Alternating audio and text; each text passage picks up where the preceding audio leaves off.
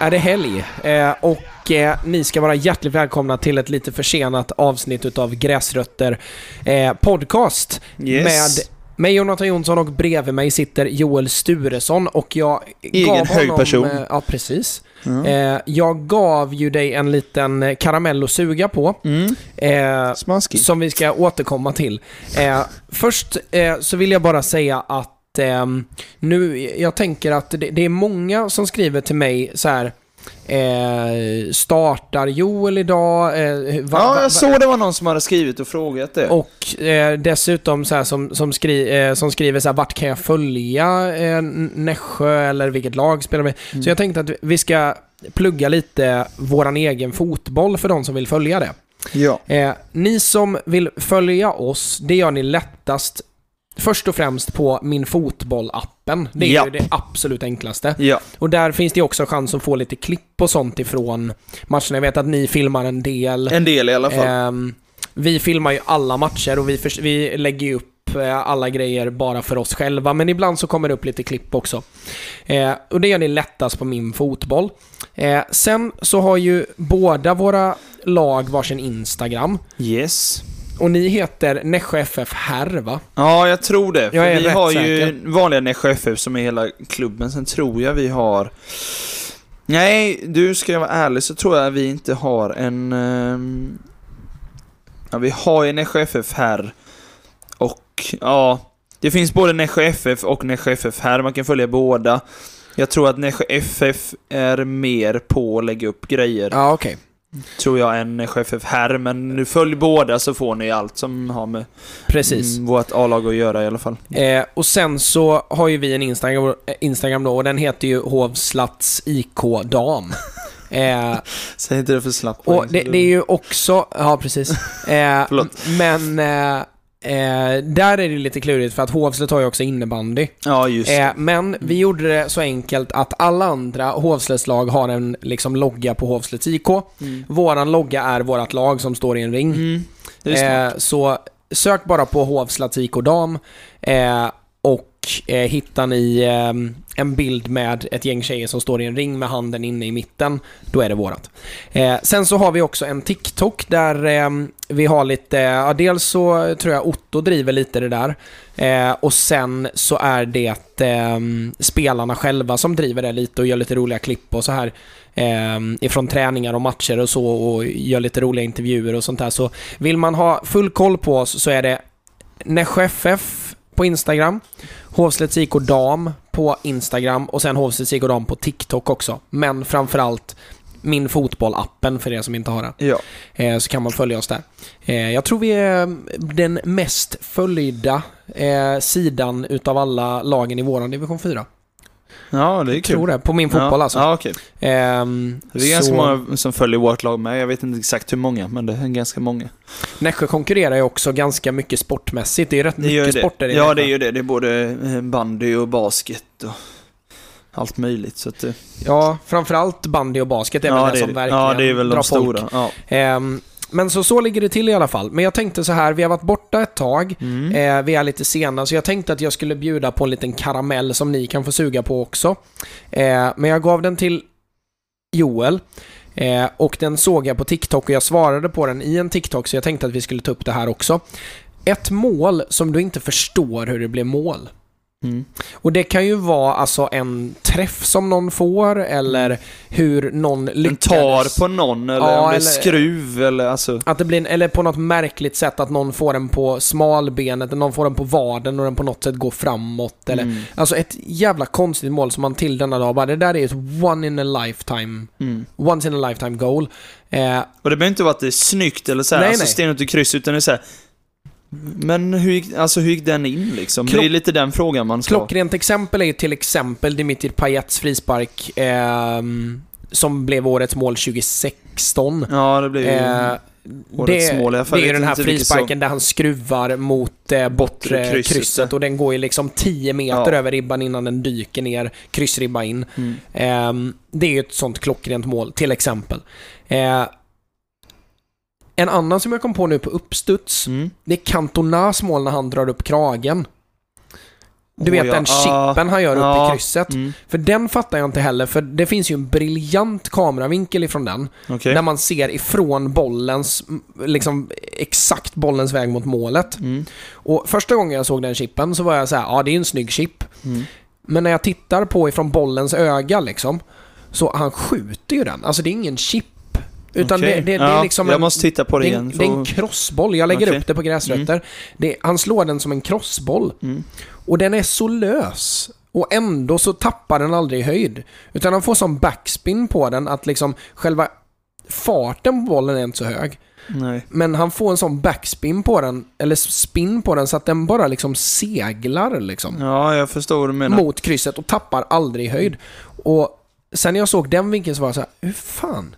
Jag, jag tror aldrig jag har träffat en boll på det här sättet. All, någonsin. Kanske också var once in a lifetime just att de fick en sån träff, det vet man ja, inte. sen är det ju äldre bollar, men jag, Mm. alltså, jag vet Nej, inte tusan om det spelar bör- in så mycket. Nej, inte så mycket tror jag inte.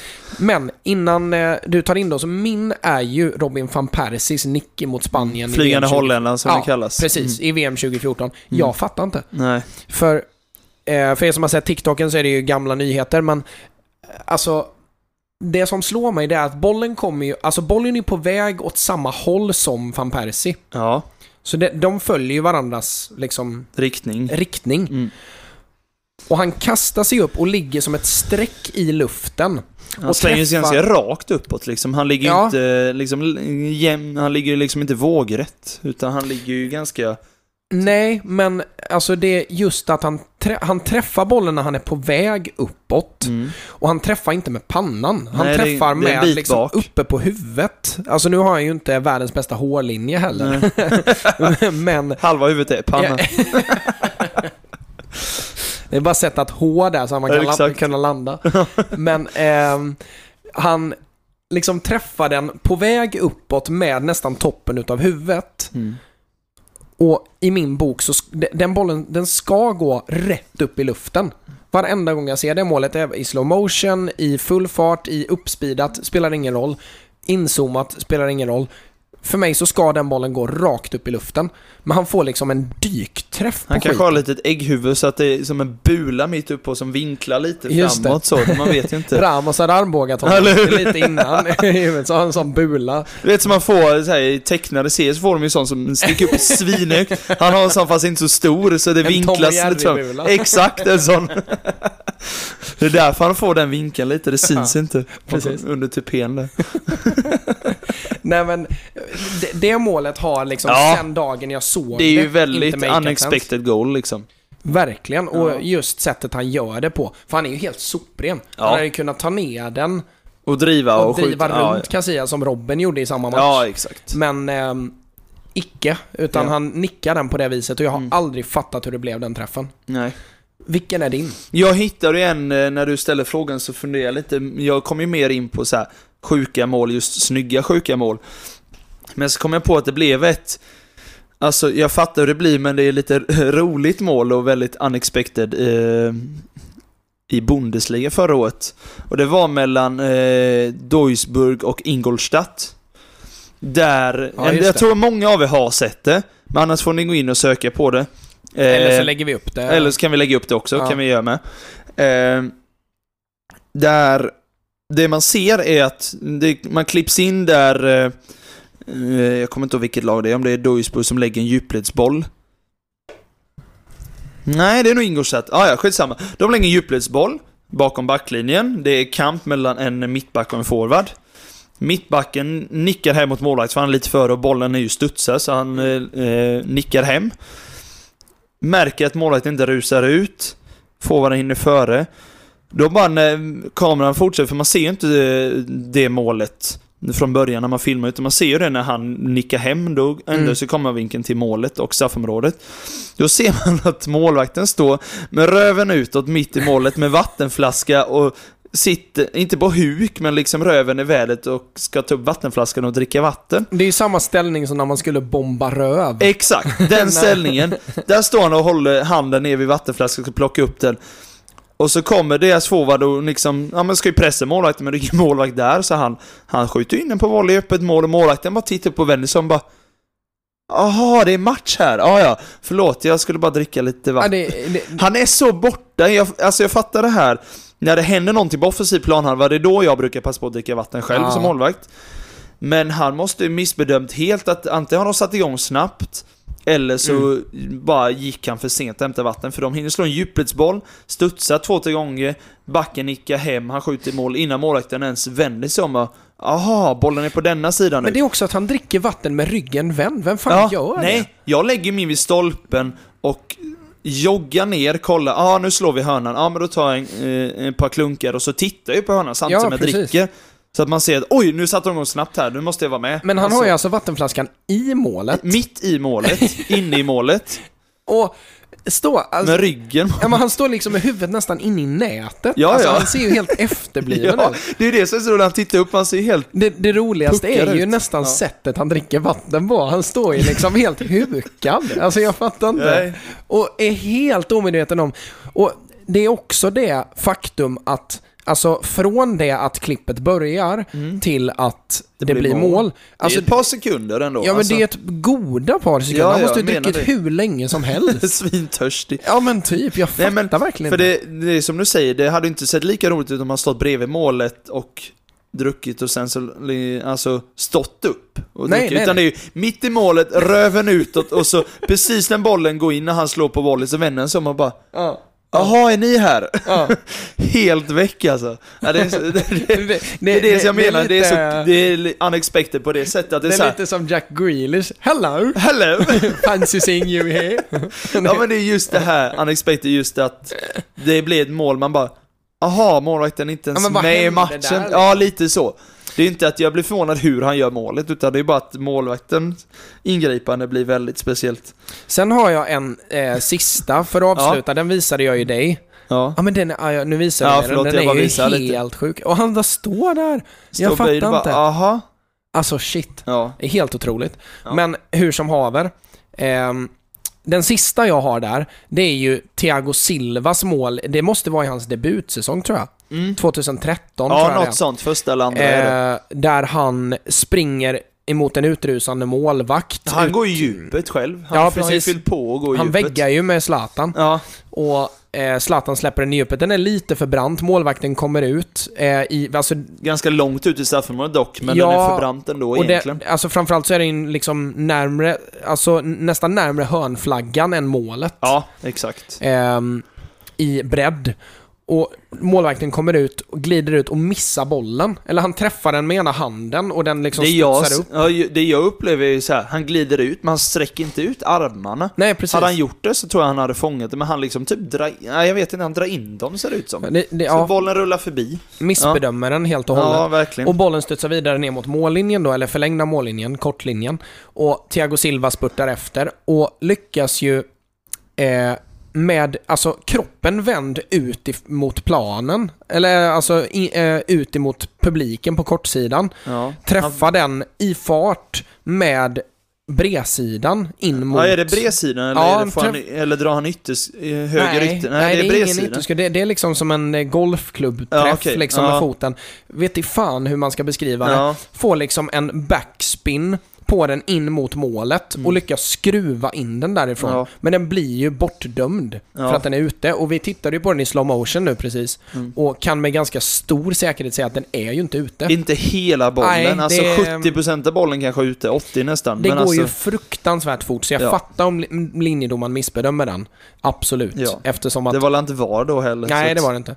Ehm, men det var ju... ehm, Få in den, den är ju Ja. värre än den, eh, ni som har sett Maikons mål till exempel. ja, för att det, det som slår mig för Maikons mål mot Syd, eh, det Sydkorea måste det ja, vara, va? något sånt. eh, det är väl VM 2010 va? Ja, något sånt. Där, där Mm, kommer det- han ju med kroppen vänd mot målet och får en Ja. ytterskruv. Och visst, Ja. det är ett fantastiskt mål. Mm. Men där kan man ändå liksom fysiskt förklara, för där har Ja. han ju liksom kroppen alldeles rätt för att slå Ja, han har ju den så. vinklat kroppen mer än vad Thiago Silva har gjort. Och hade man försökt den hundra gånger så tror jag banne mig man hade lyckats. Ja, Eh, själv. gång. Ja, men jag tror gång. det faktiskt. Mm. Sen att det händer i ett VM i den farten, ja det är fantastiskt. Men det går ändå att förklara. I Thiago Silvas fall säger jag så här, hur fan får han den träffen? Jag, jag Ja, kan men just att fatta. han får den, i och med då att den är typ ute, att Mm. du får den så att den får skruv både backspin egentligen, men också just att den går in i plan och runt stolpen och Ja. in i mål Ja, igen. är- Att du får den bågen på den. Vansinnigt. Ja, det är väldigt,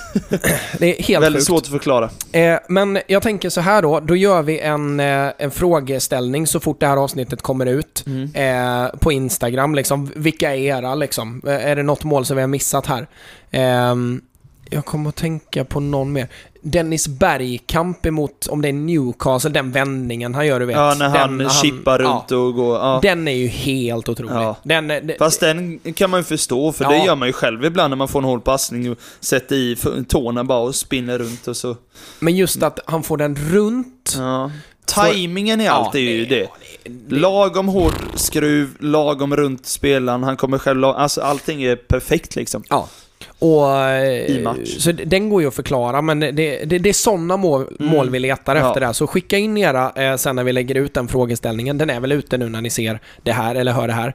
Ehm, så det var lite bonus för er. Och det är ju sånt här ofta som vi snackar om i Patreon-exklusiva. Så tycker Ja. man att det här är svinkul att lyssna på så eh, tipsar jag er att bli Patreons. Kostar bara en dollar per avsnitt. Det är alltså typ, vad är det nu, så här 8,9 eller Mm, någonting något spänn per spänn. avsnitt. Det är nada. Ehm, men eh, vi vill helst att ni har fyllt 18, så ni behöver inte be morsan Ja. eh, att eh, regga sitt Mastercard eller någonting. Eller det hur? behöver ni inte göra. Nej. Men, eh, vi har lite fotboll att eh, diskutera. Vi kan väl börja egentligen, eh, för det ser ju ganska okej ut för er i tabellen just nu. Ja, i våran serie ja. Eh, och ni har ju match imorgon, så när ni hör Mm. detta typ så är ju du eh, på match.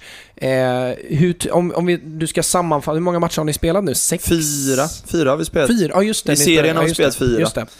Ehm, med, eh, med cupmatcher har ni spelat sex stycken tror jag va? Ja, vi har spelat cupmatch och jag har ju fått spela en U-lagsmatch eftersom inte jag har fått stå i A-laget än i serien. Så att jag har ju stått cupmatchen och eh, U-laget i måndags blir det. Och det är ju såklart jättetråkigt. Ja, Eh, men, det är ju matcher, men det är ju inte där jag hade tänkt vara. Ja, såklart. Men Mm. det, det kan man ju vända å det positiva i, i poddformat eftersom att du har ju fått se alla matcher utan att själv vara... Ja, Helt jag har ju delaktig, fått se från sidan liksom. Så du har ju nog kunnat ge en lite klarare bild utav hur, hur det faktiskt har sett ut. Ja. Eh, hur, hur sammanfattar du de här första liksom, fyra matcherna? Hur tycker du det har känts liksom? Eh, ganska upp och ner känns det som. Ja. Eh, vi har vunnit tre av fyra, så vi ligger ju delad etta. Det är ju Kis, Kisa. Kisa, Eh, de mötte vi i premiären, de fick stryk. De är nykomlingar från division 4. Så Ja, det är skapligt. Det, men in, det kanske är någon från Kisa som lyssnar, men så bra är de inte. Men, eh, De det, var inte vassa, utan vi gjorde en väldigt, tycker jag, inte väldigt, men ganska dålig match. Vi är inte riktigt påkopplade. Mm. Och det, Och sen är det Borens Härligt. då, och de har ni inte mött än va? nej, Bodens har vi inte mött. Eh, och sen är det ju ni, och sen eh, efter det så, eh, ja, så det är ju ni tre som ligger på Mm. delad första. Ja. Eh, om du skulle säga bästa matchen hittills? Bästa matchen som vi gör är Adas United borta med Ja. förra matchen, inte senast utan matchen Den, innan. den snackade vi om i podden tror jag Mm. till och med. Ja, det var ju det med bråket och Ja, röda precis. kortet och allt det där. Där spelmässigt gör vi vår bästa match, tycker jag. Ja, den är bättre än Västervik skulle jag säga. Vi vann ju Västervik veckan innan där med 2-0. Ja. Men Adas är, är det bästa motståndet och vi slår dem och vi gör det på ett bra sätt. Så det tycker jag är spelmässigt bästa matchen från Ja. vårt lags sida. Man ser det. Och eh, då är det vilka då? Det är Eneby ni möter imorgon då? Eneby möter vi imorgon. Och det var ju de, för er som har följt, det var ju de som kom precis före er förra året. Ja. Eh, med, skulle kvala upp till tvåan, men Precis. lyckades inte. och ett eh, helt nytt lag vad jag Ja, förstår. verkar det som. De har blivit av. En del gick ju till Sleipner då, de som gick upp i tvåan. Så de ju, ligger ju nära varandra geografiskt. Så Ja. det är ju mycket runt Linköping, Norrköping så slåss ju många mm, om Men spelare. Eneby, då spelar man på Platinum Cars va? Nej, det, det är ju Sleipner som gör. Ja, okej. Mm. Eneby har en annan eh, arena. Men det är Ariana eller? Ja, jag vet inte, jag har inte spelat på gräs. När vi mötte dem förra året eh, borta så var det på konstgräs. Ja, just det. Eh, vid, nej det var inte vid någon skola, men det var i, någonstans i alla fall. Ja, ja. Men, Men- eh, annars så har det, tycker jag, alltså det sett bra ut. Det har varit lite upp och ner och även upp och ner i matcherna och sånt där just med hur, hur aggressiva vi Vi vill ju spela ganska aggressivt och liksom gegenpressen liknande, Mm. som sagt. Men det är lite till och från hur påkopplade folk är och lite sånt där. Värt att Men det- nämna är ju att ni har släppt in minst eh, tillsammans med Åby och Adas. Ja. Och sen så har ni gjort näst minst antal eh, dessutom. ja. Så det är ju... Förra Eh. året var det mycket mål i våra matcher, i år känns det som det är färre. Alltså det är inte så mycket mål i år. Nej. Eh, det är ju ofta ett tecken på att det är hårdare konkurrens och högre kvalitet, ofta. Det Ehm, ja. Men eh, det, är svårt att avgöra efter fyra matcher. Ja. Men med de här fyra matcherna så det, känns ju som att ni tycker att ni, ni, ni kan mycket bättre. Eh, Att ni har en Vi- ny nivå att Alltså håller vi den nivån jag tycker och tänker att vi ska ha så hade vi ju vunnit alla fyra. Ja, Eh, sen är ju Adas i den här matchen väldigt bra, så där kan, där kan det faktiskt sluta hur som helst. Där tycker jag Ja. de har steppat upp sen förra året. Men eh, annars så tycker jag det är fyra matcher som vi ska kunna vinna egentligen. mm. Eh, som jag tycker vi är det bättre laget i alla fall. Och sen har vi ju mött, eh, vi, den heter ju Toyota Cup, den här för Ja. detta Smålandscupen.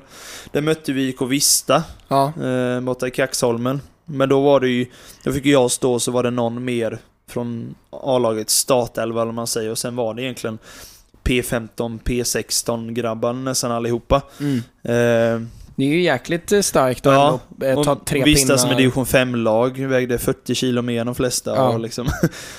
Men eh, ganska fin plan och vi lyckades lösa 2-1. Vi gjorde 1-0 i första halvlek. Ett inläggsskott. Så som vi, vi, vi har gjort tidigare. Man, ja, men en bit utanför straffområdet, slår ett inlägg, får en felträff så går den i bortre krysset. Jaha. Alltså, dimper ner. Påstå att det är med meningen, men det är det inte. Ja, precis. Nej, det är ja men sådana, det. ja. Det är samma Eh, sak med Ronaldinhos mål 2002 Ja, där mot. England. Det är ju Ja, inte med flit nej, liksom. Det är det inte. Och sen gör vi ju 2-0 på straff en bit in i andra halvlek och sen typ sista 10 så får de en straff och gör 2-1 och så trycker Ja, ja. de på. Men vi, vi löser det bra och det är gött och det roliga är att vi ska ju möta ett till lag, men eh, vi hade ju som sagt, jag spelade med U-laget med, då mötte vi eh, Stensjön som är lite Ja, lokal rival och då var det också, båda lagen hade ganska mycket unga spelare och de hade väl lite fler A-lagsspelare. Men eh, där lyckades vi få ett kryss i alla fall. Mm. Eh, de gjorde mål på mig på ett friläge. Ja. Eh, där jag pratade faktiskt med han som gjorde mål, för han har spelat i Nässjö innan. Ja, ja. Om att just att när han kom fri, han var hög, högfotad då och kom från mitt vänster lite, så såg jag att han skulle skruva mot första stolpen. Så jag klev ju ut med vänsterbenet. Men i och med att planen var ganska ojämn så fick han den ganska långt in på foten, så då lyckades jag skjuta tunnel istället. Ah. Och han sa det när han kom ut i andra halvlek, han bara alltså jag tänkte skjuta runt det, men jag fick sån fel. Jag bara, ja man såg det i hundradelen du träffade, att det kändes som att du fick inte den träffen. Det såg ut på honom att han skulle skjuta, alltså han sköt inte det så ut som han skulle. Precis. Eh, och sen så gjorde vi ett kontringsmål precis innan pausen. Sen så fick jag göra två eh, svettiga räddningar i slut på matchen som var rätt gött. Där Mm. de var fria straffmål där jag istället lyckades läsa den och komma ut med benet och stänga första stolpen, ta den. Sen hörnan direkt efter så eh, eh, slår de en hörna som går mot bortre stolpen kan man säga, där de nickar precis vid stolproten och jag lyckas göra en enhandsräddning till hörnan. Så det var ändå rätt gött. Ja. Så jag har ändå fått spela lite och fått ändå liksom bra känsla. Sen så är man ju inte van att spela med de här unga killarna som jag gjort nu, Nej. de här två matcherna. Men det, det har ändå känts bra och jag känner mig ju redo. Jag känner ju att jag absolut ska starta i A-laget egentligen. Alltså det vill jag ju. Jag känner att jag är redo. Men Mm. det, det är ju som sagt upp till tränaren. Men det är. Sö- Södra Vi ska vi möta nästa gång och det var det jag funderade på. Mm. Det är ju division 5-lag som är nästa omgång i kuppen. Mm.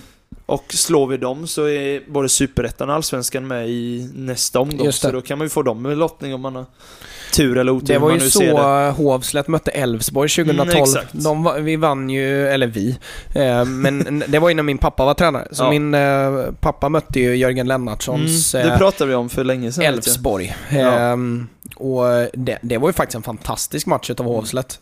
De förlorade med 4-0 och det året så åkte de ur division Ja, de 3. hyllade väl din tränare efter, eller din Ja, farsa efter. ja, ja, verkligen. Eh, jag tror, jag, jag ska inte svära på det, jag måste dubbelkolla med farsan. Jag vet att det är någon, men jag tror fan det var Jörgen Lennartsson som sa det att eh, sättet ni spelar på, sättet du tränar på, Mm. eh, borde du pröva högre upp. Mm. Ehm, jag, tror det var, jag tror det var liksom det han skickade med honom, att det här måste du pröva högre upp. Du måste, du måste ha en bättre spelarbasis för att Mm. göra det du gör. Ja, liksom. jag förstår. Ehm, och det var, ju, det var ju året Elfsborg vann eh, Ja, de allsvenskan. vann allsvenskan. de var ju helt nybakade mästare när, ehm, ehm, när, När de Hovslätt mötte dem. Hovslätt. Mm. Ja, så de möttes ju efter att säsongen var slut. Ja. Eh, på ett eh, riktigt novembergrått eh, Hovet. Ja, ja, det, jag minns den matchen så fruktansvärt väl. Det var Ja.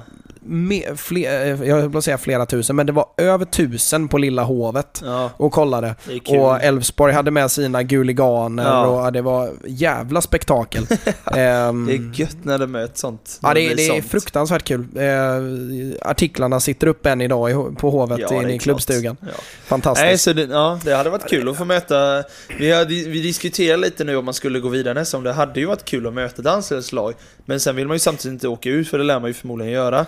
Ja, Men eh, och nackdelen är ju att om man möter ett allsvenskt lag eller något sånt, risken är ju att de inte har med många av sina bästa och det är de man egentligen vill möta ju, bara Precis. för att testa. Men eh, vi får se lite. Vi ska Men det var, ju, Sö- det, var ju, först. det var ju faktiskt eh, i den matchen så, alltså anledningen, en av anledningarna till att det bara blir 4-0, det var ju målvakten i HIK som heter Ja. Jonas Danielsen, kallades för Dansken. Okej. Oklart varför. Mm. Ehm, men eh, han var ju, han var en riktig karaktär, hade alltid rosa målvaktsställ med nummer Mm. Ja. 89.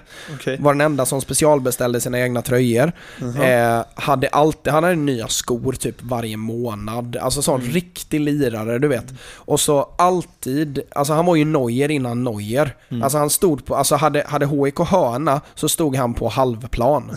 Alltså, och, stod, Ja. och, och hade ett så distinkt skrik. Mm. Ja, Eller ett, alltså inte ett, inte ett skrik, utan det var så jävla grovt. Jag, Mm. Det kan vara därför han kallas dansken. Mm, För han gormade så jäkla grovt. Ja. Eh, så man hörde liksom, om man spelade match typ på B-plan och Mm. A-laget spelade samtidigt så hörde man så! Varenda gång han skulle plocka ett inlägg, man bara ja det var dansken. Ja, ja. Ehm, han gör ju typ 18 räddningar i den här Ja. matchen och räddar straff. Oh, det är Mot- gött. Jag för mig det var Oskar Hiljemark som slog Mm. den straffen.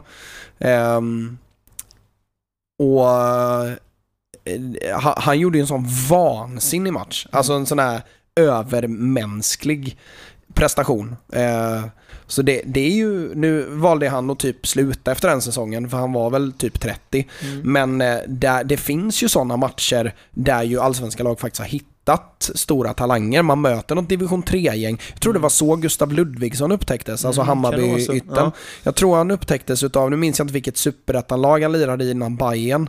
Eh, det borde jag kunna egentligen, men jag tror att de upptäckte honom genom någon sån här Svenska cupen-match eller Ja. någonting. Någon sån Mm. pryl. Eh, så det, det finns ju en liten chans att man kanske får någon sån här Man kan ju hoppas att det är någon man som kan få en jackpot. Ja, exakt. precis. Ehm, och det lär det ju vara eftersom att eh, eh, möter man ett allsvenskt lag så har väl de alla ögon öppna. Liksom. Ja, ja, det är klart. Eh, och för oss då så eh, har vi ju startat säsongen, vi har spelat två matcher och inte Ja. fyra. Eh, vunnit båda två. Eh, Smålandsstena pratade vi om. Mm. Eh, NGS ehm, mötte vi ju i söndags, eh, det är fredag idag. Eh, och det var ju ett lag ehm, som det, var, det, var, det är lurigt, för vi har ju aldrig mött, alltså förra året så mötte vi i stort sett bara alltså nästan akademilag. Mm. Vältränade, tekniska, snabba ehm, och ofta numret större än oss eftersom att vi var så mycket yngre. Ehm, och nu möter vi lag som är långsammare, tyngre.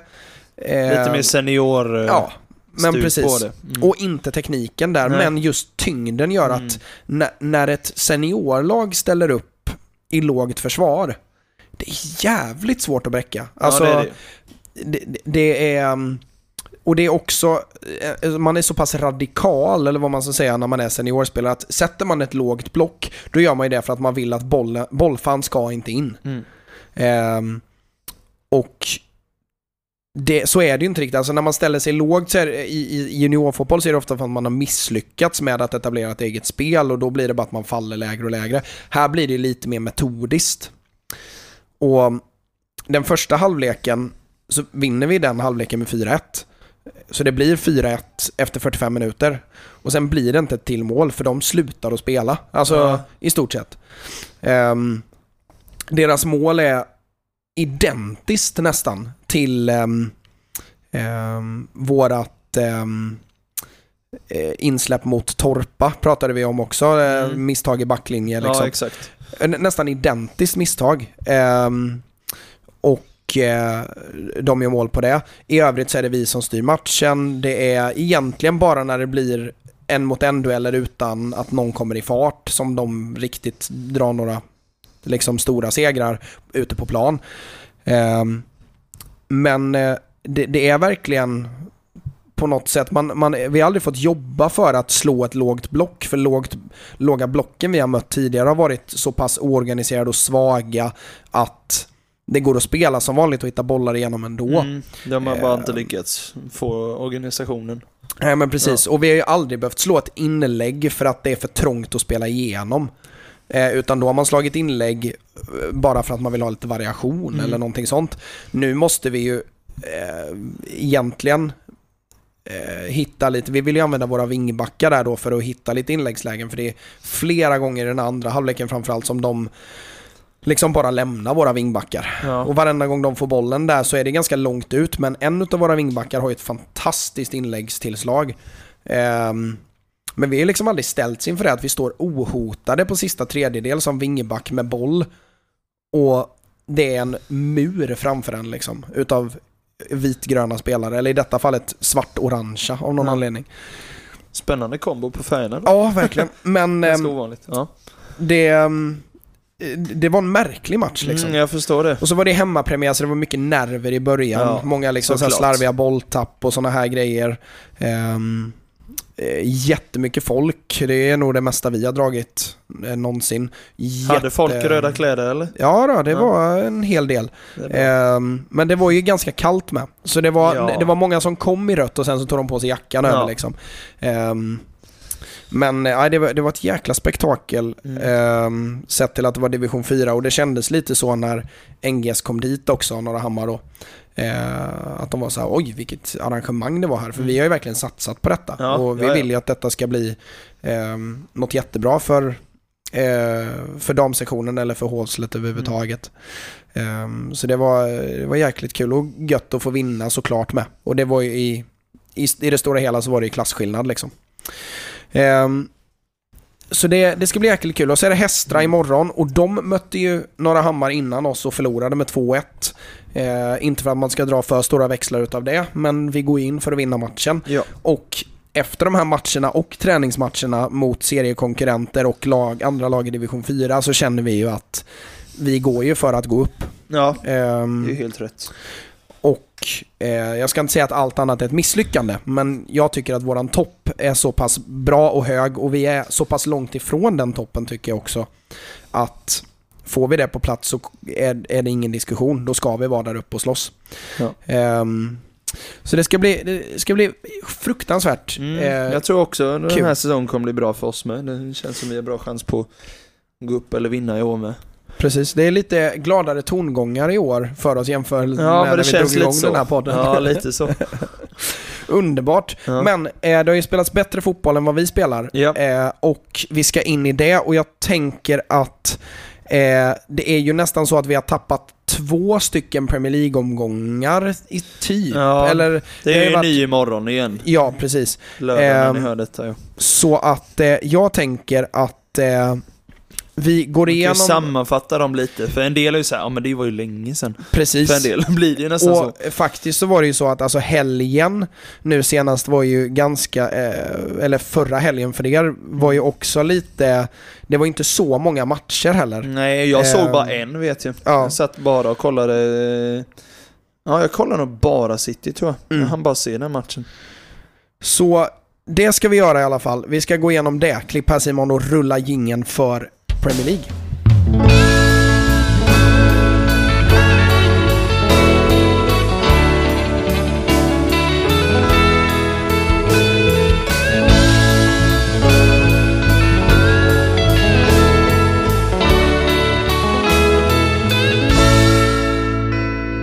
Brighton.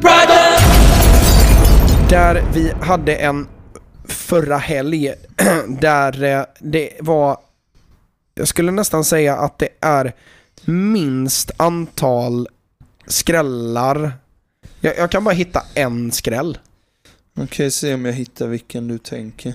Ja, en skräll ja. Och det är Everton-Chelsea. Mm. Ehm, En, dock är det ett resultat som förvånar mig lite och det är Wolves-Brighton, att det blir 0-3. ja, Det chockar ändå mig lite. Annars så är det, men det är ingen skräll, men det, den chockar mig lite att Wolves Ja, verkligen inte har någonting att säga till om. Nej, lite så. tyvärr så missade jag ju den. ja. Eh, men... Man har ju bara eh, hört allt om Everton-Chelsea känns som med Pickford Ja, och grejer och det. ja, men, och, eh, vi Jag blir typ sur att han gör en bra match.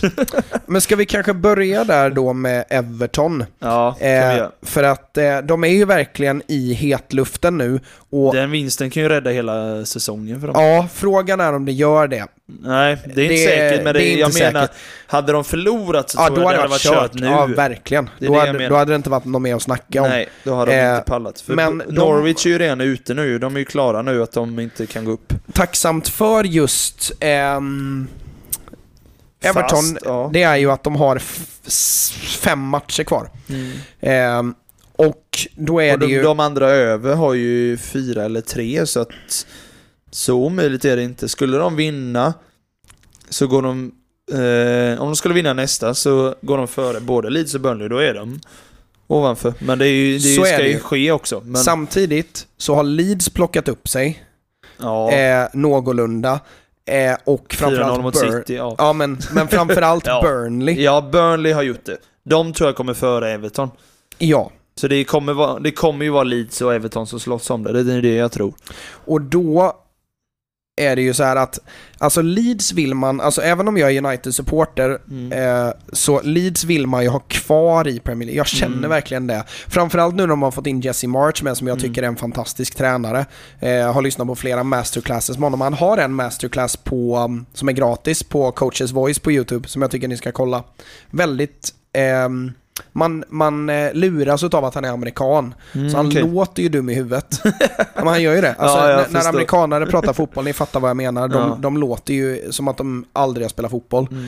Men eh, han är väldigt, väldigt duktig. Eh, insiktsfull och, och väl, välskolad med, att gått igenom hela Red Bull. Eh, han gick ju från New York Red Bulls till eh, Leipzig koncernen var ju ASS-tränare Ja, okej. till Rangnick eller någonting i Leipzig. Eh, och sen blev huvudtränare för Red Bull Salzburg. Och sen nu då i Okej. Leeds. Så välskolad tränare.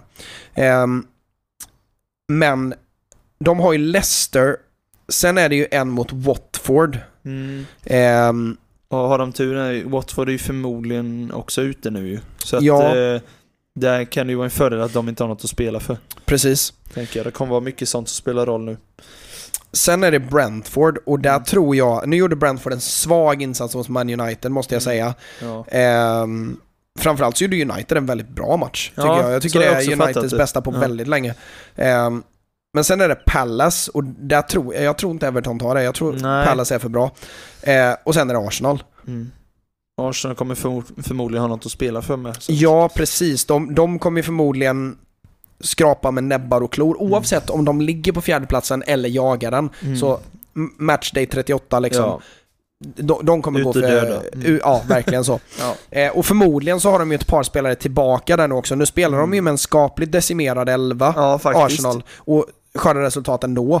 Mm. Och gör det fantastiskt. Alltså, El Nenni och Xhaka på hållande fält. Det hade man inte kunnat tro. Nej, de skulle man inte. lösa de här matcherna. Slå United, eh, slå West Ham och slå Chelsea. Det är de väl? Ja, precis. Ja, de slår ju... Ja, Ja, men... West Ham, United, Chelsea ehm, det senaste och plockade upp Ja. sig från Brighton och Southampton-matcherna där då. Ehm, på ett fantastiskt sätt. För jag minns ju att vi sa det, att ehm, spelschemat efter Southampton där, det var ju mot Brighton och Southampton de skulle Mm. plocka poäng. Mm. För sen var det Chelsea United Exakt, och. West Ham och så blev det precis tvärtom. Ehm, och det är ju det fina med fotboll. Mm. Men eh, återgå till Everton där då. Ehm, på ett sätt så är man sådär, det finns så många, det finns så få lag, alltså inte klubbar nu, utan lag Mm. som jag ogillar mer än Everton. Sett till vilka spelare som spelar där. Ja, ja jag förstår. Det är, det, är inga, det, är inga sån, det är inget lag man vill starta ett karriärläge med på Fifa. Det, Det är som kan det är faktiskt en fantastiskt bra måttstock. Ja men visst är det, för jag, Ja. varje gång jag startar, jag startade med Bournemouth för ett tag sedan nu för jag börjar tröttna Ja. på eh, Ultimate Team för det här, nu kommer Team mot Season det här bla bla. Men när jag väl la det, då är så här. Mm, jag vill försöka hitta något i andra ligan som man kan ta upp så man får lite utmaning. Precis. Men man vill också hitta ett lag som har roliga spelare som är roliga att spela med, som inte bara är Precis. liksom kylskåp och liksom betongblock och sånt där, utan lite roliga och liksom så här.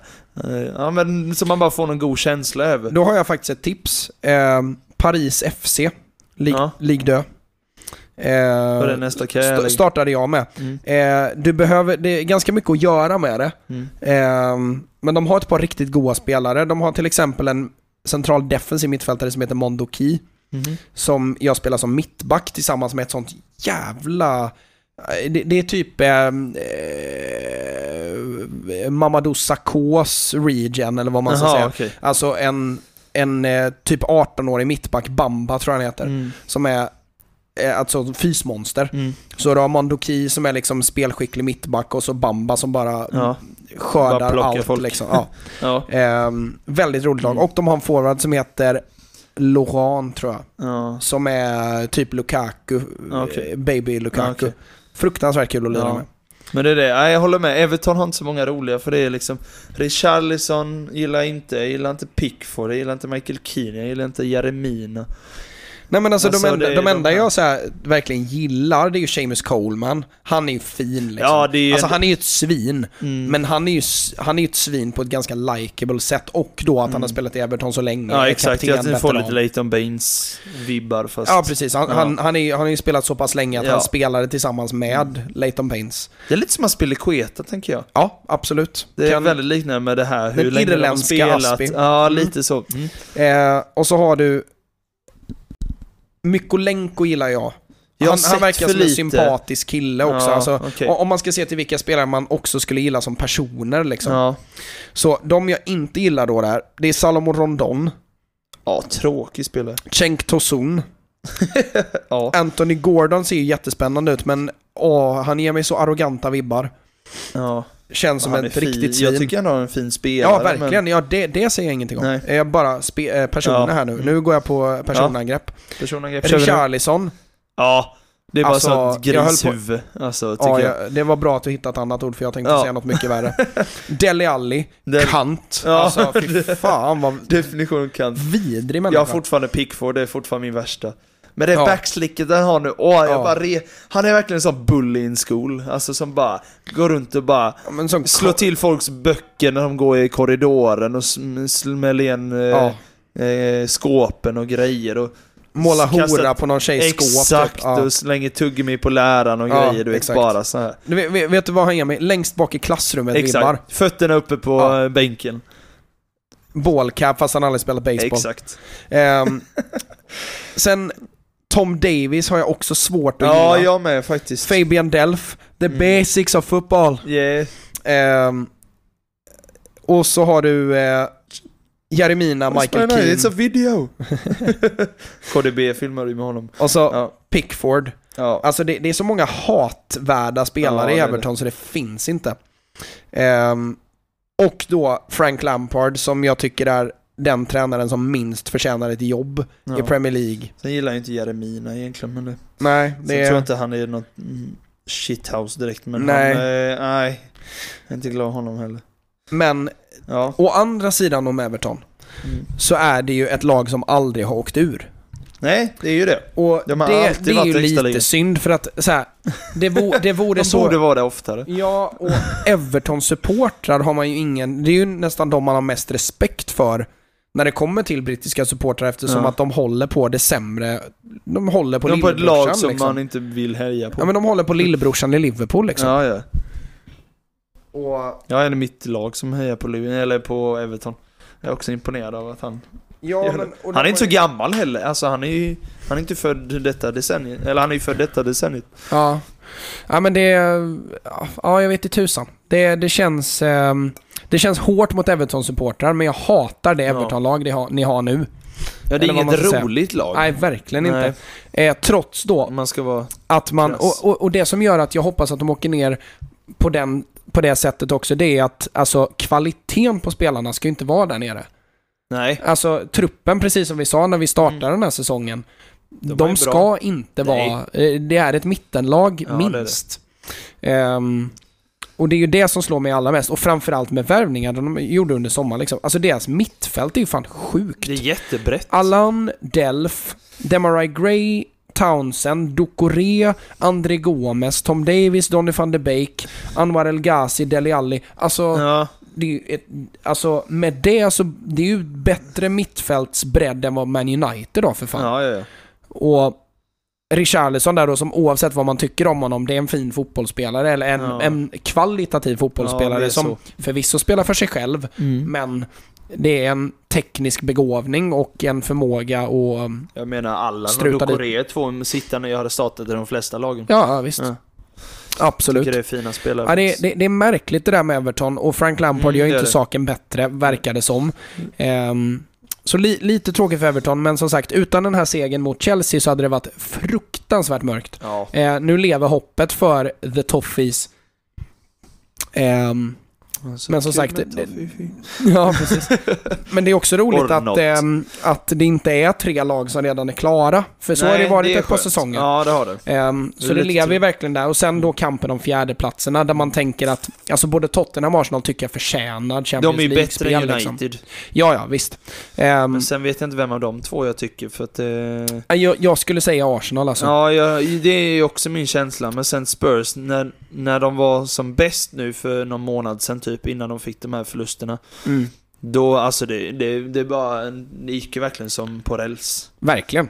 Och jag tycker att Tottenham har en högre topp än vad Arsenal har. Ja, det har Ehm, de ju. Men jag tycker att jag ser en tydligare identitet i Arsenal. Ja, det gör man. Eh, och därför tycker jag att ja, men de har ändå jobbat för det här länge. De har varit på ett projekt som de faktiskt har trott på. All heder till Arsenal. Och han har förlängt Arteta nu med, kommer jag på, idag. Precis. Eh, tillsammans med damtränaren. Ja, exakt. Ehm, och ehm, jag tycker att har man trott på det projektet och liksom sett långsiktigt så varför inte? Ja. Så jag skulle säga, utav de två så skulle jag säga, jag hoppas att Arsenal tar det i så fall. Och sen så hade vi ju, eh, vilken ska vi ta? Vilka, du såg City eller? Ja, det mesta. Alltså... Eh, nu måste jag tänka. det känns som det är så länge sedan nu. Ja det jag har ju inte kunnat smälta det här CL-skiten. Lugna dig, vi kommer till det. Jag vet. Ja men det är ju det, det är därför jag, bara, har- jag har ju bara de matcherna i huvudet Ja, det är klart.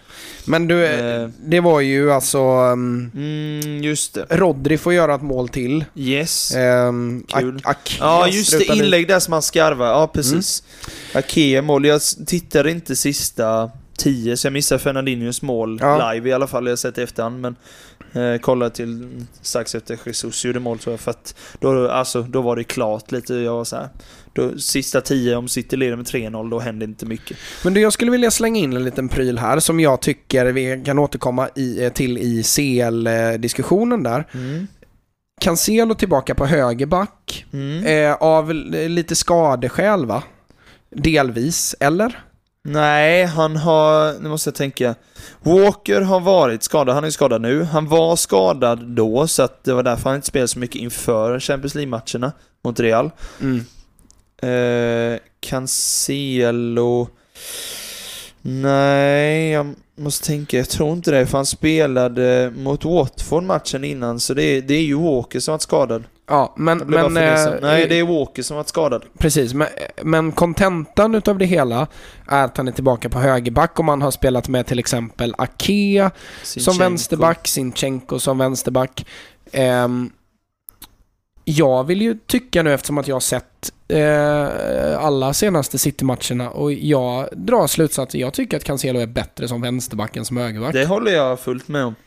Jag tycker han var, för han spelade högerback i, cup, i Mm. cupen mot Liverpool och var han också svag. Han var svag den matchen. Ja, och Sen var han framförallt inte så... svag nu mot Leeds till exempel, det var han ju inte absolut. Men han är bättre som vänsterback än högerback. Det han. Och det enda, alltså med inverterade eh, ytterbackar, Mm. alltså in, inåtfotade ytterbackar, är ju att det är... Eh, de har ju sin bättre fot inåt när de försvarar. Mm. Vilket innebär att ofta så tycker jag att Cancelo gör många fina stötbrytningar Ja, det gör han. med sin ja, högerfot Han, den tajmingen är han rätt duktig på. från alltså. vänster. Exakt. Från höger så tycker jag att han, han släpper in dem på insidan Ja, det gör han. defensivt. han På ett sätt som han Mm. inte gör när han spelar vänsterback. Och jag tänkte på det flera gånger i framförallt ehm, matchen emot... ehm, eh, åh, vilka var det de mötte innan? Ja, skitsamma. Watford eller? Ja, precis. Som vann stort där. Ehm, där han, han släpper, alltså det är ju en match som vinner komfortabelt och så vidare. Men han, defensivt så ser han mer vilsen ut. Mm. Och offensivt så blir det tydligt att alltså, han har ju inte en, alltså det är inte en Trent-fot han har. Nej. Ehm, och har ju liksom, han har ju motorn för att springa upp och ner för den där kanten vecka ut och vecka in 90 minuter varje gång. Men det gör han ju inte bättre eller sämre på vänster eller höger. Nej. Alltså, det, det, det är ju bara sak att samma. orka liksom. Ja, ja. Eh, och dessutom då så tycker jag att det händer mer för yttrarna när det kommer en Cancelo och utmanar inåt. Mm. Ehm, Ja, viker inåt, kan slå inlägg med både höger och vänster egentligen, men mest högen. Kan också lägga i djupet på första ytan, alltså vid, vid första mittback typ. Mellan Ja. ytterback och mittback Och det ger, sånt. det ger ju eh, City ett vapen som är ganska svårt att handskas med. Mm. Vi till exempel i laget pratar ju mycket nu om räknefel. Eftersom att vi spelar 3-4-3 så kan vi ju skapa många situationer där det för lag som spelar 4-4-2 eller 4-3-3 blir räknefel. Ja, Med vingebackar, indragna ytterforwards och sådana här prylar. helt med. Och där, där är ju Cancelo en sån jäkla X-faktor när han spelar på vänster sida. För det blir en så konstig... Det blir så konstigt. Det är konstigt, eh, över, alltså, ö, alltså att de Överlapp överlapp och- och- eller överbelastning, överbelastar, ja, precis. säga. Ehm, och jag tycker att eh, till höger så kommer han... Alltså han är ju duktig på de här tajta situationerna. Han är ju duktig centralt. Men jag tycker plan. han kommer för brett egentligen när han är Ja, han, han ligger alldeles för brett för att verkligen göra skillnad. Ja. Plus då att jag tycker att defensivt är han märkbart sämre på högen. Mm. Alltså det, det märks verkligen att han är köper sämre det. där. Och nu då med eh, CL-debaclet, nu har jag inte startelvan därifrån i huvudet. Det har jag. Ehm, men Alltså... Var det ju alltså, Walker och så är det Laporte och Ruben Diaz som var tillsammans med honom. ja. Ehm, där, ehm, alltså, åh, jag vet inte eh, hur jag ska avsluta tanken. Men jag fattar verkligen inte varför man har spelat Cancelo till höger så himla mycket nu det senaste. För det han- är för att Walker är borta. Det är bara det. det, är eller? nog till 90% anledningen. För Men- att de har ingen annan som kan spela där. Eh, de satte ju, första mötet satte de ju Fernandinho där när Walker klev Mm. ut. Men de har ju testat Stones där till exempel. Det har de. Och då ser jag ju hell- alltså, alltså, faktiskt hellre Att Stones är höger att och... Stones är högerback och Cancelo är kvar på sin vänsterback och så får man Mm. bänka Sinchenko och Ake. Mm, det En- håller jag med om. Än att Mm. man flyttar ut Cancelo som ersättare för in- Walker. Som jag tycker gör den positionen bäst utav alla ytterbackar som Pep Guardiola i stort sett har haft. Ja, eh, Tillsammans med Dani Alves. det är Ehm, det som kändes så tryggt nu i returmötet tyckte jag för att han... För att Fernandinho hade ganska tydliga problem mot Vinicius. Det kan man säga. Det var ju upp och köpa korv ett par gånger. Men, för det var det jag tänkte, Walker matchar ju snabbheten och det visar han ju så länge tills han blev utbytt skadad att han fixar det. Verkligen.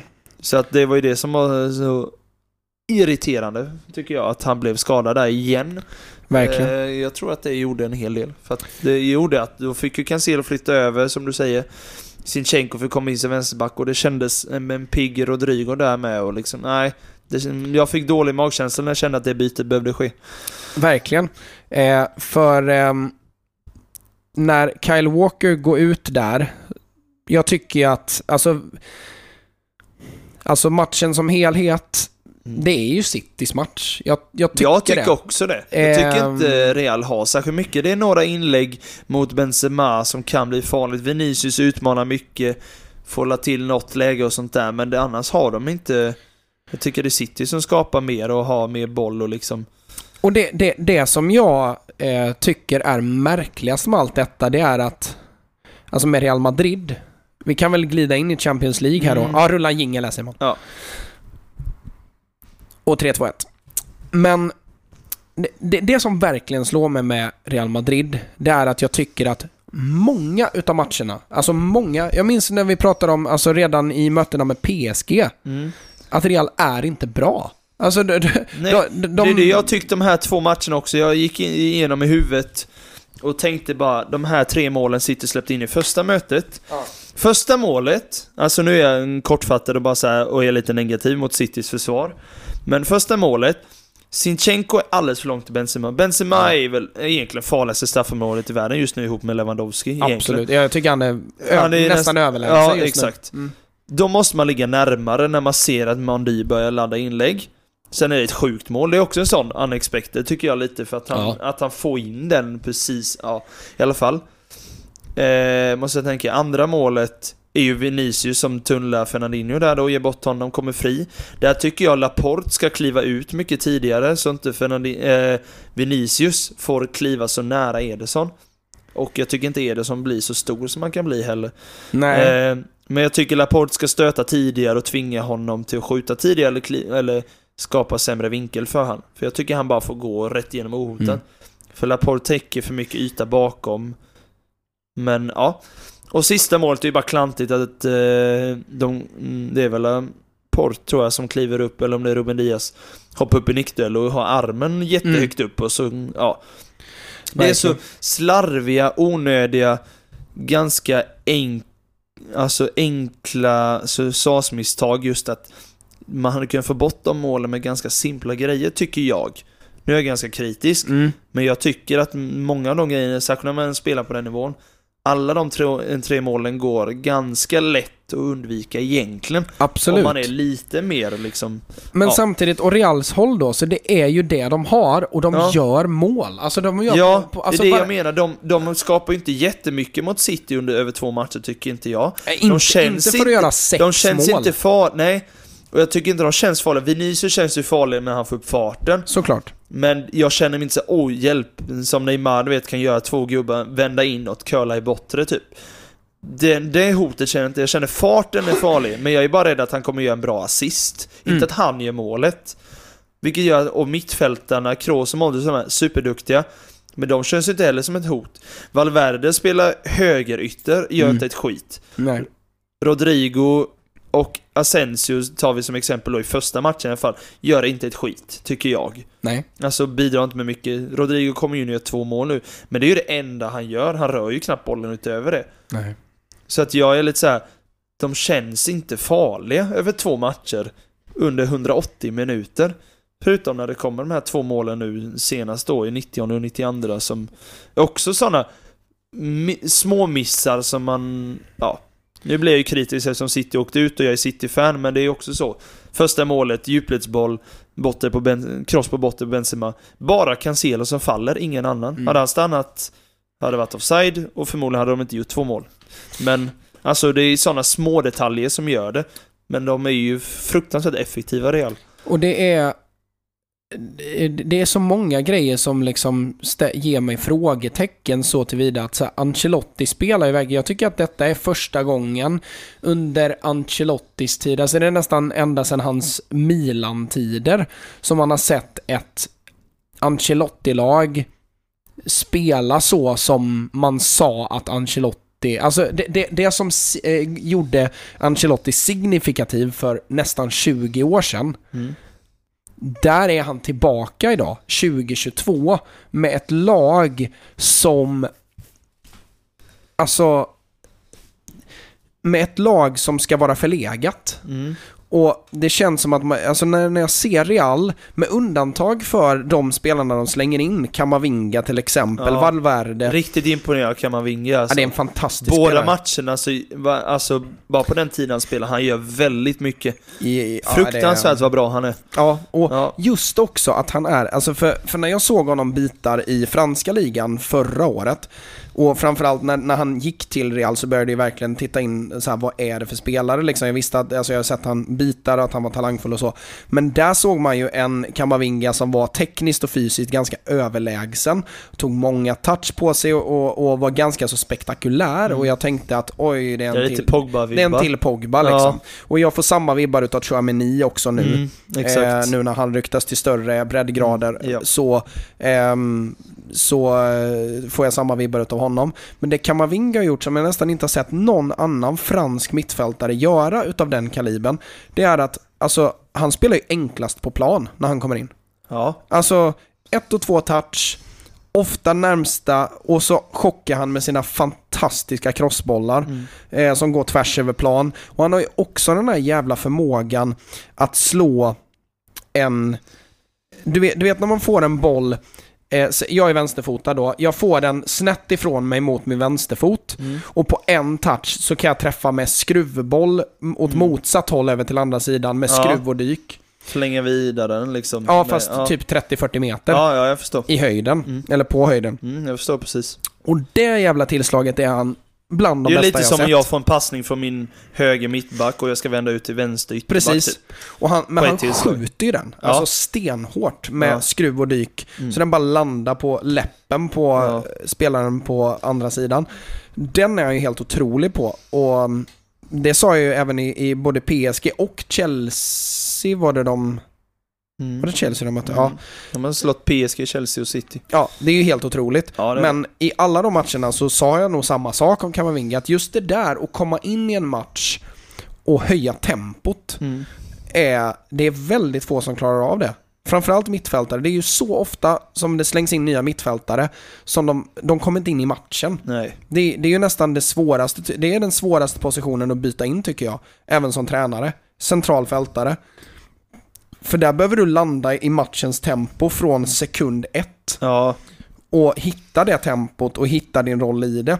Det, det, det är fruktansvärt svårt och han har kommit in varje gång nu, framförallt i Champions League och gjort det så fruktansvärt bra.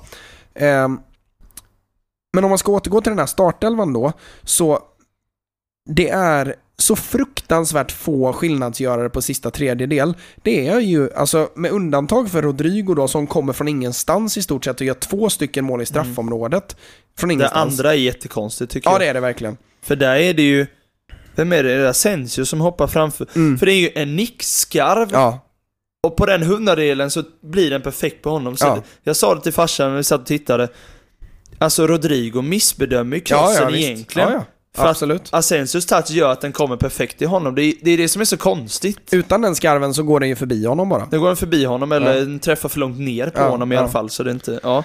Och, eh, och så, så jag tycker att det sista målet där, det är ju dels lite oorganiserat ifrån City, men framförallt, det, är ju, det är ju ren flax, Ja. tycker jag. Men för att sammanfatta det hela, alltså Real Madrid har två skillnadsgörare. Mm. Och det är Vinicius och det är Benzema. Offensivt på sista tredjedelen. Modric var det mot PSG, sen Ja. dess har vi inte sett bitar utav det. Eh, men för det första så är Modric inte ens en tia. Han spelar ju Nej. tia nu, han är Ja, ja. ganska klar tia. Ja. Eh, framförallt på offensiv planhalva. Och är väldigt sällan intresserad av att slå avgörande passningar. Det är Vinicius och Benzema det handlar om. Det är bara de två. Och det måste vara, det, alltså jag försöker tänka, när senast var ett titelvinnande lag ett lag som man kan sammanfatta offensivt med två spelare? Ja. Klipp här Simon så får jag tänka, Mm. eller så får vi tänka. Ja.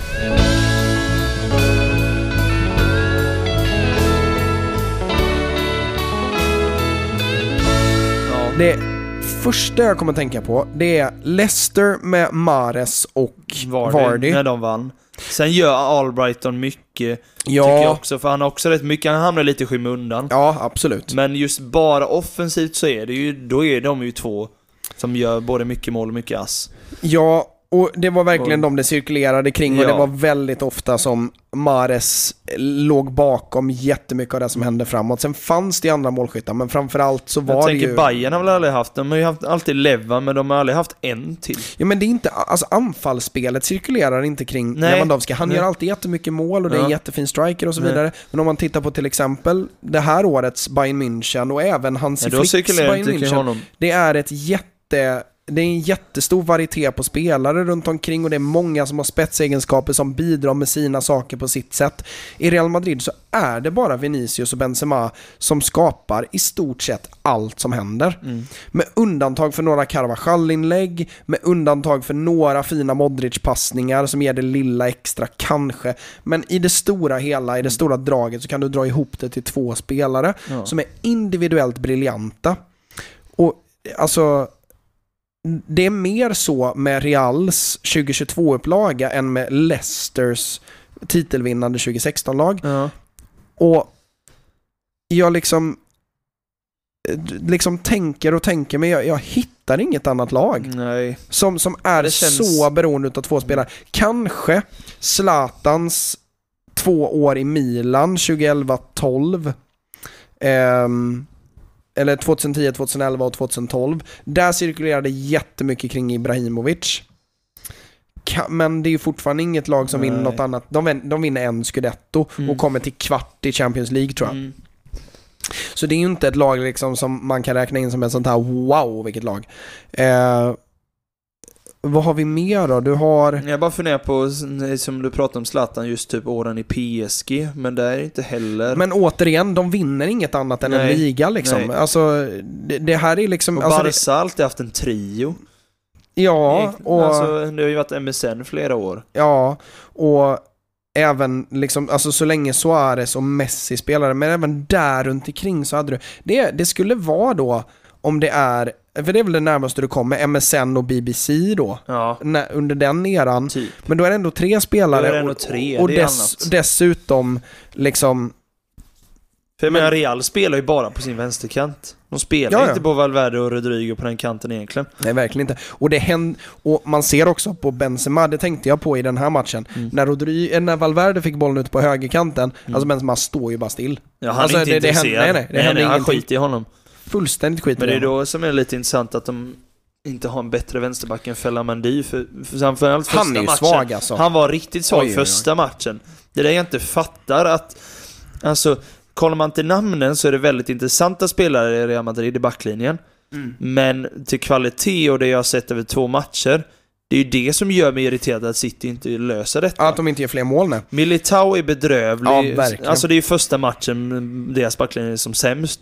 Men jag tycker fortfarande det är dålig. Jag tycker de löser en del uppspel, men det är många gånger City, om de sätter alltså pressen lite tidigare så löser de det. Courtois får rensa med höger många gånger, Ja. liksom bara för att de inte... Och Carvajal är väl mest rutinerad av dem och löser en hel del, men alltså... Och det, det som slår mig allra hårdast är ju att man värvar alla bara för att spela mittback Ja. med de kollegorna bredvid sig. Mm. Alltså David Alaba som mittback, där ska du ju ha en van Dijk, Dijk, bredvid. ja, alltså du, du, du behöver ha en komplett försvarsspelare Ja. bredvid David Alaba. För han är dels van att försvara med, i en jättehög backlinje, där han heller inte behöver tänka så mycket på vad som är bakom honom. Därför att han har spelat med försvarsspelare som Mats Hummels och eh, Nicolas Syle. Boateng. Eh, och Boateng. Ja. Det har varit mittbackar som har varit defensivt briljanta och också väldigt låga risktagare. Mm. Och som också har framhävt David Alaba.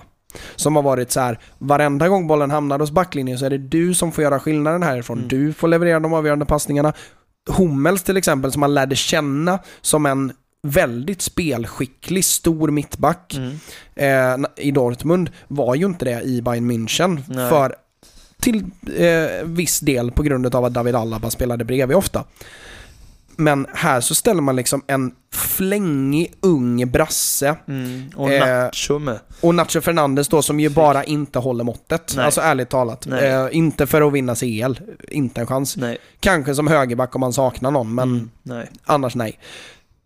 Det, det, det, är så, det, det är så dött och jag tycker att det som, eh, det som gör att alltså City inte kör över dem, det tycker jag är Casemiro.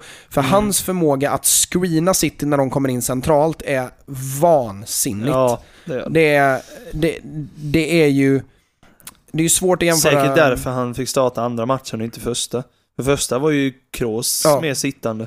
För jag tror att eh, Ancelotti trodde att man skulle kunna eh, använda Kroos passningsfot långt Ja. ner för att såra City vid bollvinst. Mm. Och Kändes City så. är oorganiserade och det lyckades de inte riktigt med alls. Så istället då så är man mer för att, ja men okej då får vi se till att vi håller tätt bakåt, det är ju det det får hänga på liksom. Ja. Eh, och då sätter man in Casemiro och hans, hans andra match mot Manchester City är masterclass ja, i det det. screening. Jag ska se om det är någon som har klippt ihop någonting på det, för han har inte jättemycket bollvinster. Det är klart han har många bollvinster, men det, jag tror inte han slog rekord i det. Men hans förmåga att välja spelare, ofta är ju en mot tre. Ja. Välja Där. vem man ska plocka liksom. Ja, och, och sättet han screenar de andra, eh, både i djupet och i sidled. Alltså, City, antalet gånger som City tvingas spela bakåt när de har en spelare rättvänd centralt nära straffområdet. Det, han, han gör så v- otrolig match. Och det, det tycker jag är anledningen till att City inte är mer hotfulla än vad de är. Mm.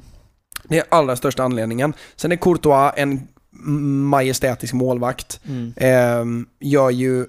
Eh, alltså jag Han tycker gör inte... ju en del bra räddningar. jag, tycker, jag tycker inte att du kan hänga honom för något av målen som City gör riktigt, eller? Det är, eh, Mares mål nu i andra, så diskuterar jag farsan lite det med, för han går ju... Han börjar ju luta sig åt höger som att Mares ska skruva i bortre. Vilket gör Ja. att hade han inte gjort det, då tror jag faktiskt han nästan Ja, hade... kanske. För han är på den, för han liksom lutar höger och sen vänder han tillbaka med Ja. vänsterhanden och får på fingrarna men det, det, han får ju för lite kraft bakom. Ja. Eh, ja, det skulle vara det då. ja, jag måste bara tänka de andra målen City gjorde. Inlägg på KDB kan man inte blamea honom för. Nej, det är ju världsklass. Eh, Jesus mål kan man inte heller blamea honom för. Tredje mål måste jag tänka vem som gjorde det. Det har jag inte i huvudet. Eh, alltså, det, var är ju lite det här Bernardo Silvas lite oväntade skott som han inte är riktigt med på, där han bara står Ja. och tittar. Men det, det kan ju inte säga att han ska ta. Det gör ju inte. Nej, men, men som sagt, det, det, eh, det är... ehm, det är ju Courtois Ja, just det, och... Foden gör ju Ja, just det. tre- eh, 3-2 där. Just det. Ehm, men i, i, i det stora hela liksom, Real Madrid, det, makear inte sens. Inte att de är en CL-final, det tycker jag inte. Nej men alltså, det, och också att så här, det, det är ju helt otroligt för att även i ehm, Även i Barcelonas fall då med MSN så har man ju ett ganska skapligt, okej, jättebra mittfält och eh, en bra mycket bättre backlinje än vad Real Madrid har nu. Ja, ja, ja, mycket bättre. Och dessutom då Ter Stegen i mål. Mm. Så där går det att jämföra. Till Courtois och Ter Stegen, vem man håller högst där, det beror ju Mm. på vem du är. Mm. Eh, jag skulle väl kanske hålla Ter Stegen lite högre till och Samma med. här. Men, du, ni fattar poängen. Alltså det här är verkligen ett lag utav ett stabilt mittfält och... eh, Kombination på ett, nästan eh, 100 år ett, på ett, dem, så här, ett rutinerat mittfält och ett stabilt ett världsklassmittfält. Eh, men som inte har någon form av slutprodukt i det där mittfältet. Nej, In, inga De är verkligen tre centrala fältare. Verkligen. Och inte mycket mer dessutom, och Casemiro då som ju verkligen är, han är mer av näst, närmare mittback i några av de här matcherna ja, ja. än en central fältare.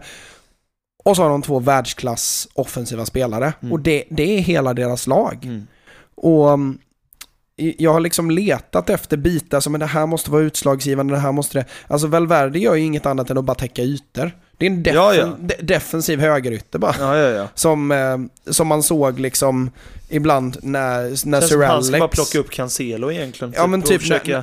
typ som, han, han är typ deras Jisung Park. Ja, exakt. Alltså, han får, ma- han får man-man markera någon, han får eh, tracka tillbaka och fylla på i fältet. Mm. Det är verkligen en kompensationsspelare för Ja, att ja. man ska kunna ha Vinicius och Benzema så utslagsgivande. Och de gör ju detta på ett sätt som PS, som vi klagade på med PSG, eh, gällande det här att de har tre spelare som bara frångår systemet. Ja. Eh, så har ju Valverde en förmåga att få in Vinicius och Benzema i systemet på grund av hans arbete.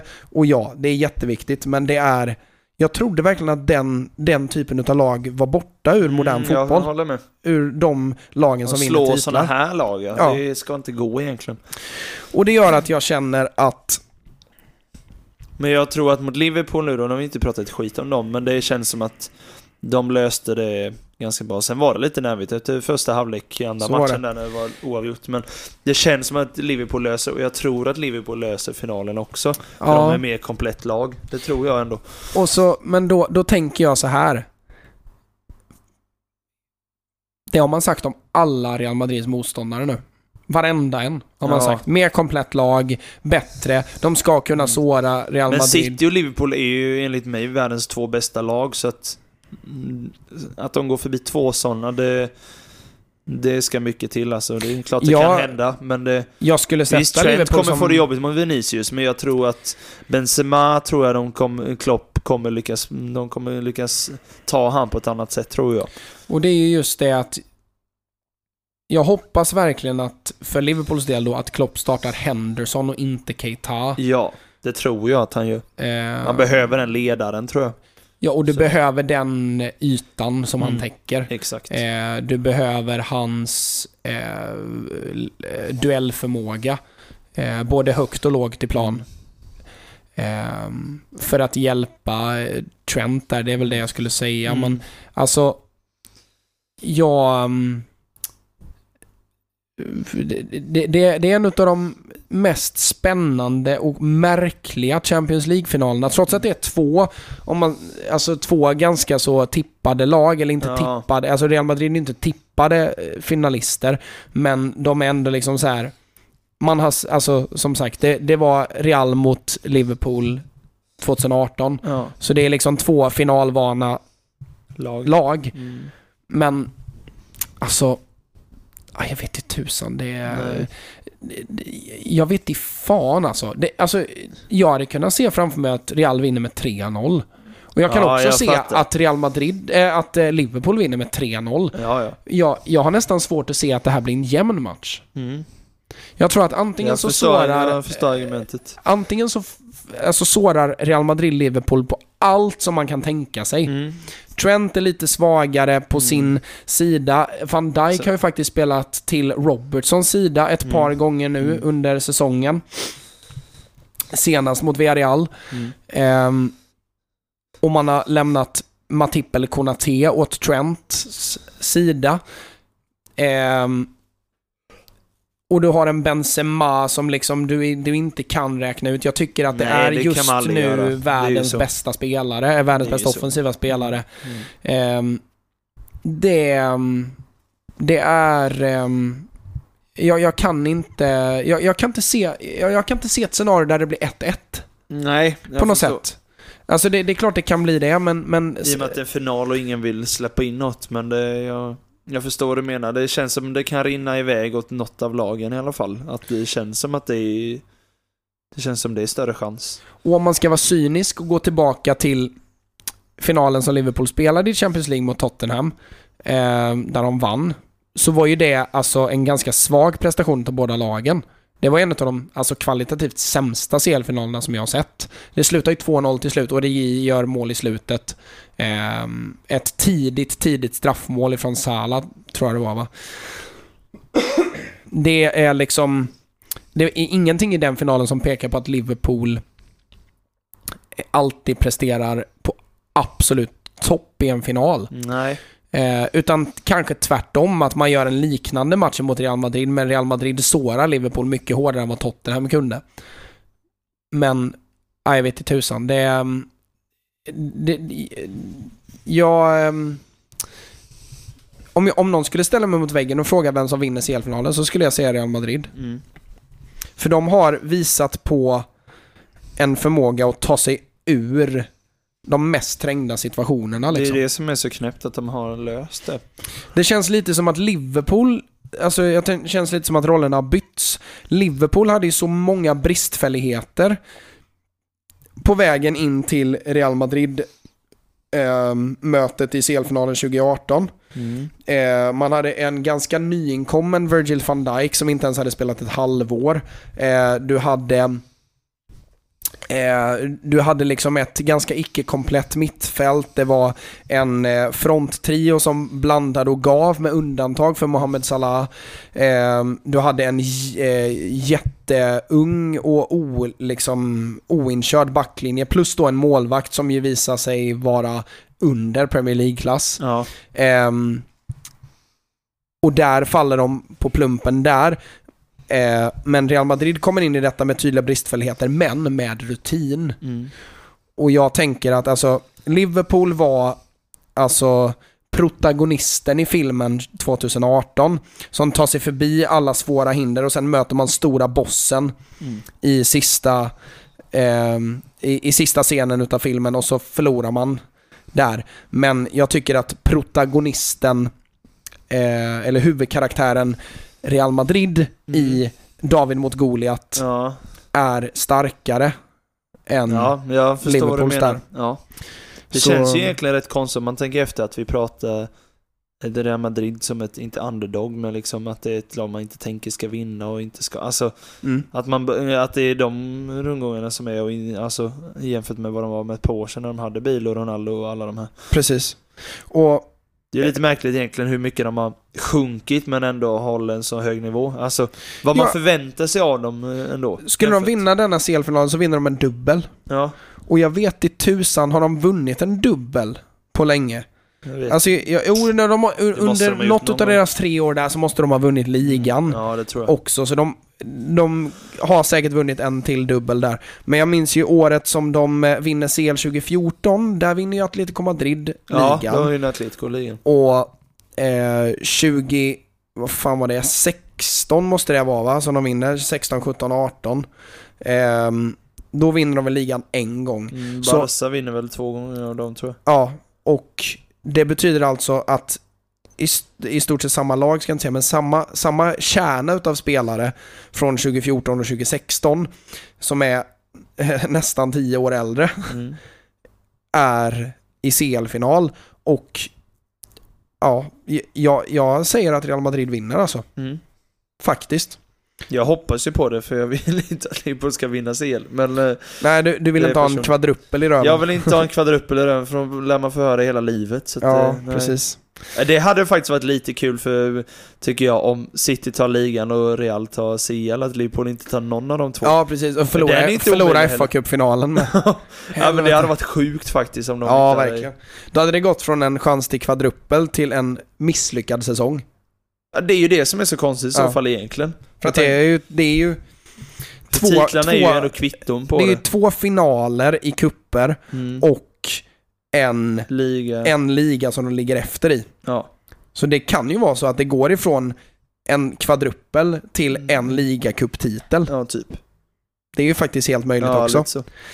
Ehm, Ja, så det är spännande. Mm. Men eh, det, det, jag ska bara sammanfatta Liverpool, um, Villarreal lite kort. Missar du den eller? Mm, Ja, så tänker jag första matchen såg jag. Eh, andra matchen såg jag, satte jag på andra halvlek sen lite när det kom. Ja, det var ju bra att du målen. slog på andra Ja, halvlek där. För alltså den första halvleken, målen typ. Den första så halvleken är. Liverpools sämsta den här säsongen. Ja, jag har hört för många håll att de var riktigt dåliga. Alltså det, det, det Och jag kollar på målen, både Robertson och Trent är väldigt svaga bakåt på målen. Ja men alltså hela spelet, alltså Liverpool får inte upp tre passningar i rad på första Nej. halvlek. Och, men det, det säger också, alltså del, jag ska säga att Liverpool är inte på tårna eh, och de är inte igång och de är inte Nej. påslagna och Thiago gör sin sämsta halvlek i Liverpool-tröjan. Eh, framförallt. Men ehm, Villarreal är fruktansvärt bra. Men de, är, de tar ut sig i första halvlek. Ja, Alltså de kör, de kör, de, De spelar, den spelar- matchen som att den är 45 minuter lång. ja. Och de, jag har aldrig sett ett spanskt lag spela så hög, hö- i, i så högt tempo. Nej. Alltså de hittar ju igenom passningar genom Liverpools mittfält. En passning rakt igenom och så är de tre mot fyra mot backlinjen. Ibland tre mot tre, ibland tre mot två. Mm. Spelar fruktansvärt högt tempo, pressar dit dem på allt de har och försöker med Liverpool. Och gör allting så jäkla bra. Men de orkar det i en halvlek. Och en, några minuter in i andra halvlek. Sen är de helt utpumpade. Ja. Och det får en att tänka att fy fan vad bra Liverpool är. Ja. De klarar det i 90 minuter vecka efter vecka. Mm. Varje match så spelar de så i stort Mm. sett. Ja. Eh, och deras topp är högre än Villarreals där. Eh, cred till Villarreal att de spelar på det sättet som de gör i 45 minuter. Det är de helt verkligen rätt. Det är det, det är det som gör att det blir match utav Ja. det. 100%. All kudos till dem. Dessutom är ett lag som inte, framförallt det centrala mittfältet, ska inte klara av att spela så. Nej. Det är inte spelare som är gjorda för det. Eh, ta bara Dani Parejo som exempel. Ja, Coquelin. Ja, nej men det, det är, alltså Villarreal har gjort underverk och de, de ska ha en stor applåd för sin säsong. Den är fantastisk. Ehm, de slår ut Juventus och Bayern München på vägen liksom. Och gör, gör, bjuder upp till dans mot Liverpool. Fantastiskt bra. All heder till Unai Emery och gänget. Ehm, men det får en också inse hur jävla bra Liverpool är. Det är därför jag tänker att när, de väl, när det väl gäller så tror jag att Liverpool löser CL-finalen. Ja. Tror jag, men jag hoppas inte det. Nej men det... det- Jag, jag låter det vara osagt Ja. och jag... ehm, det kan mycket väl bli så, precis som jag sa. Jag tror att det blir 3-0 åt något håll. Ja, typ så. Ehm, men... ehm, Ja, det, det, det ska bli en fruktansvärt spännande CL-final. Ja, Den det. ska vi givetvis livesända. Eh, måste vi göra. Eh, förutsatt att vi är hemma, jag har inte ens kollat. Men ehm, det löser vi på något sätt. Ehm, sen, ehm, sen är det ju inte så mycket mer fotboll. Det blir ju Nej. lite dumt eftersom att när det här släpps så är det ju redan igång nya. PL-matcher Ja. och sådär. Ehm, men jag tänker att det är dumt att sitta och gissa om dem, så jag Ja. tänker att vi rullar in i en fantasyhörna som ju Kan var ett tag sedan vi hade. Ja, Ehm, och ehm, det börjar ju faktiskt knyta ihop sig. det gör det Eh, verkligen. Och eh, priser ska ju delas ut dessutom Ja. eh, till slut. Så att eh, rulla ingen Simon så går vi in i fantasyhörnan. Fantasyhörnan med. Nej, men som sagt, vi kliver in i omgång 36 nu av 38 till helgen här. Som sagt, det har ju börjat med nu när ni lyssnar på detta. En del lag har tre matcher, en del har fyra och en del har fem. Eh, det är ju double game week nu, denna och nästa. Och eh, min tanke är ju att, lite kort, att spela ut alla chip ni har nu typ. Man kan bara spela ett i taget, det tror jag sagt innan, men bara påminner. Så se till att använda free hit. Jag ska använda bench boost förmodligen denna helgen eller nästa helg. Jag ska kolla lite vilket som känns bäst. I och med att det är så mycket eh, dubbla matcher. Eh, och det är ju inte jätte... Alltså det svåra är ju nu, jag, det, jag har ju märkt att det är svårt, svårt att hitta spelare som jag kan ge tips om. Dels har jag ju själv haft väldigt dålig känsla med vilka spelare man borde ha. Eh, så jag kanske inte är det bästa, eh, liksom, den som ska ge svar på era frågor där. Men jag har tänkt typ en Gabriel Jesus, inte dumt att gissa på chansen. Nu han gjorde han ju fyra mål eh, där mot eh, Watford och sen gjorde han även mål mot Leeds. Så att det är ju, har man bara lust att ta en differential så skulle jag säga att han kan vara kul att testa om man, har plockat, om man plockar ut Kane till exempel eller sånt Hur där. mycket kostar eh, Jesus? 8 och 6 som forward. Ja, det är ändå skapligt. Ja, det är ändå helt okej pris för honom. Han är ju Verkligen. 10% i världen.